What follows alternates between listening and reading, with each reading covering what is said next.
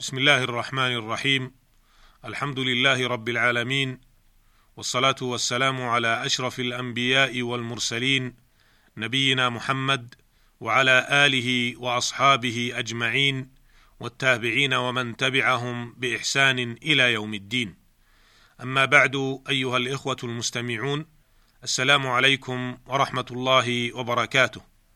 تحدثنا في الحلقة السابقة عن حديث علي بن أبي طالب رضي الله عنه أنه قال حدثني رسول الله صلى الله عليه وسلم عن أربع كلمات. لعن الله من ذبح لغير الله لعن الله من لعن والديه لعن الله من آوى محدثا لعن الله من غير منار الأرض رواه مسلم. وقد عرضنا في الحلقة السابقة بعض مسائل الحديث فعرضنا لقوله صلى الله عليه وسلم لعن الله من ذبح لغير الله. وعرضنا لمعنى هذه الجملة وللنصوص الواردة في ذلك في وقفات عدة.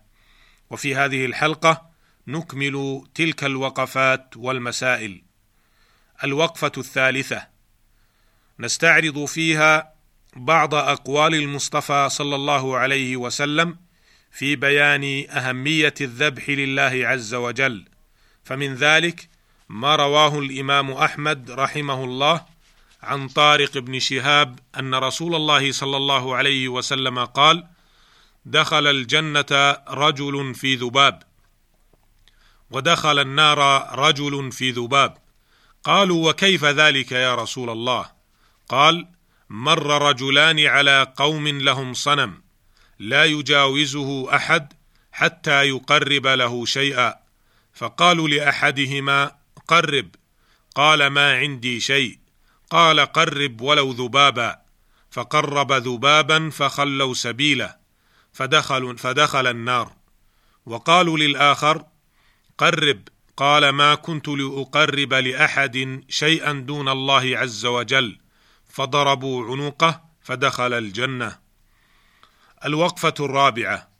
اعلم أخي المستمع أن الذبح أنواع فمنها ما هو عبادة محضة تقرب إلى الله سبحانه وتعالى وذلك كالنسك في الأحج والأضحية ومنها ما هو لأكل اللحم فهذا ينبغي على المسلم أن يقصد به التقوي على عبادة الله تعالى وأن يذبحه على الطريقة الشرعية بأن يستقبل القبلة حال النحر وأن يسمي الله تعالى. ومنها ما هو حرام لا يجوز أكله بل قد يصل أحيانا إلى الشرك بالله والعياذ بالله.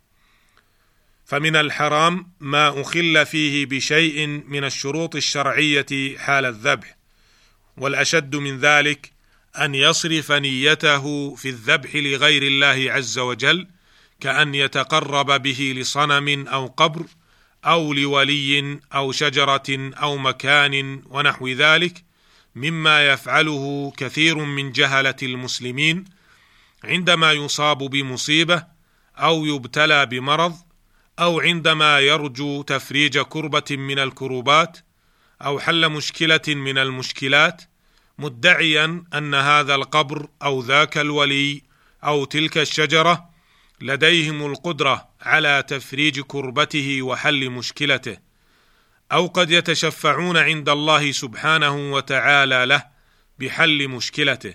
وهذا كله ونحوه من تلاعب الشيطان بابن آدم ليغويه وليرديه في المهالك وليكون شريكا له في جهنم. فعلينا أيها الإخوة المستمعون أن ننتبه لهذه الأمور. التي وقع فيها كثير من المسلمين في أقطار كثيرة وذلك بأن نصرف العبادة لله سبحانه وتعالى ولا نتقرب بذبح أو غيره إلا له جل وعلا.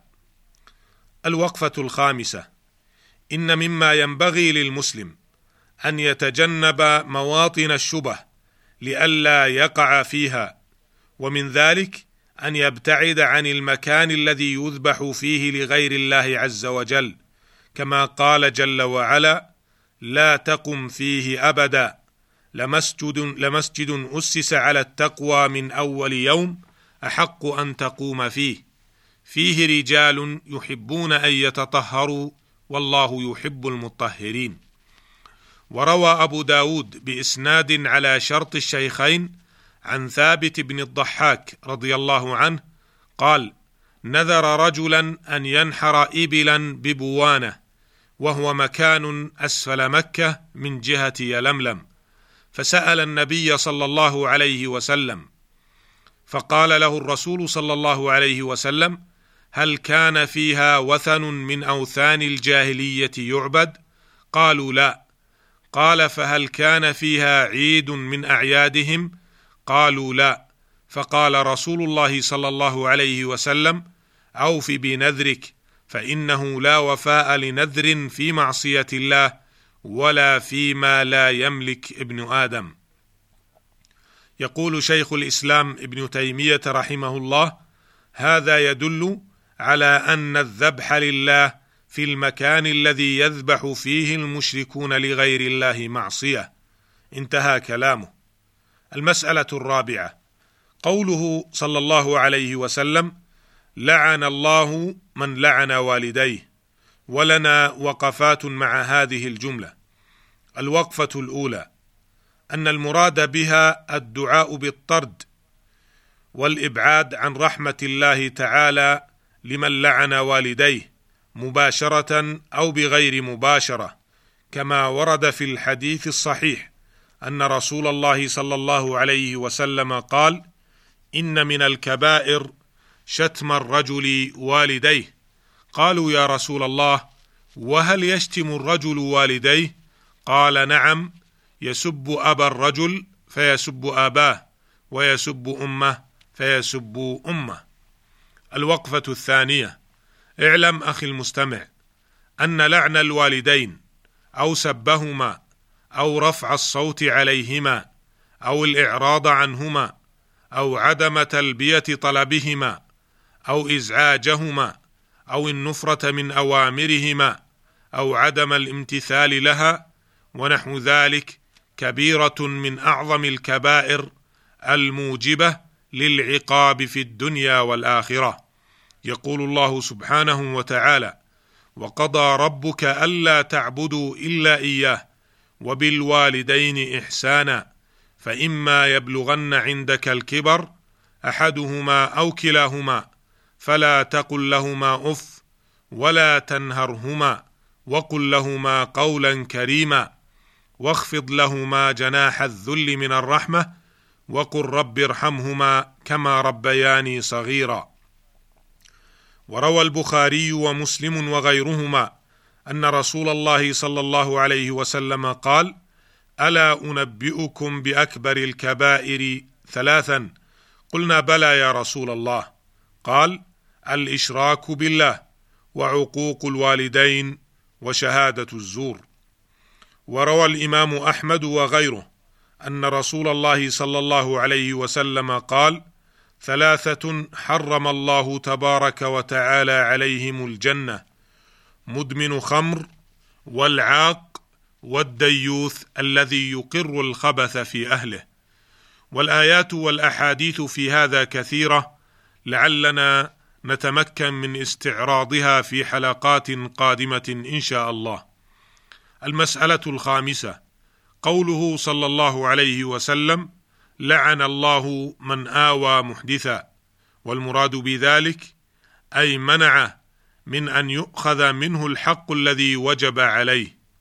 يقول ابن الأثير رحمه الله قوله محدث أو محدثا يروى بكسر الدال وفتحها فمعنى الكسر من نصر جانيا وآواه وآجاره من خصمه وحال بينه وبين من يقتص منه.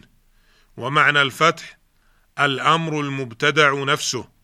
ويكون معنى الإيواء ويكون معنى الإيواء الرضا به والصبر عليه فإنه إذا رضي بالبدعة وأقر عليها فاعلها ولم ينكر عليه فقد آواه.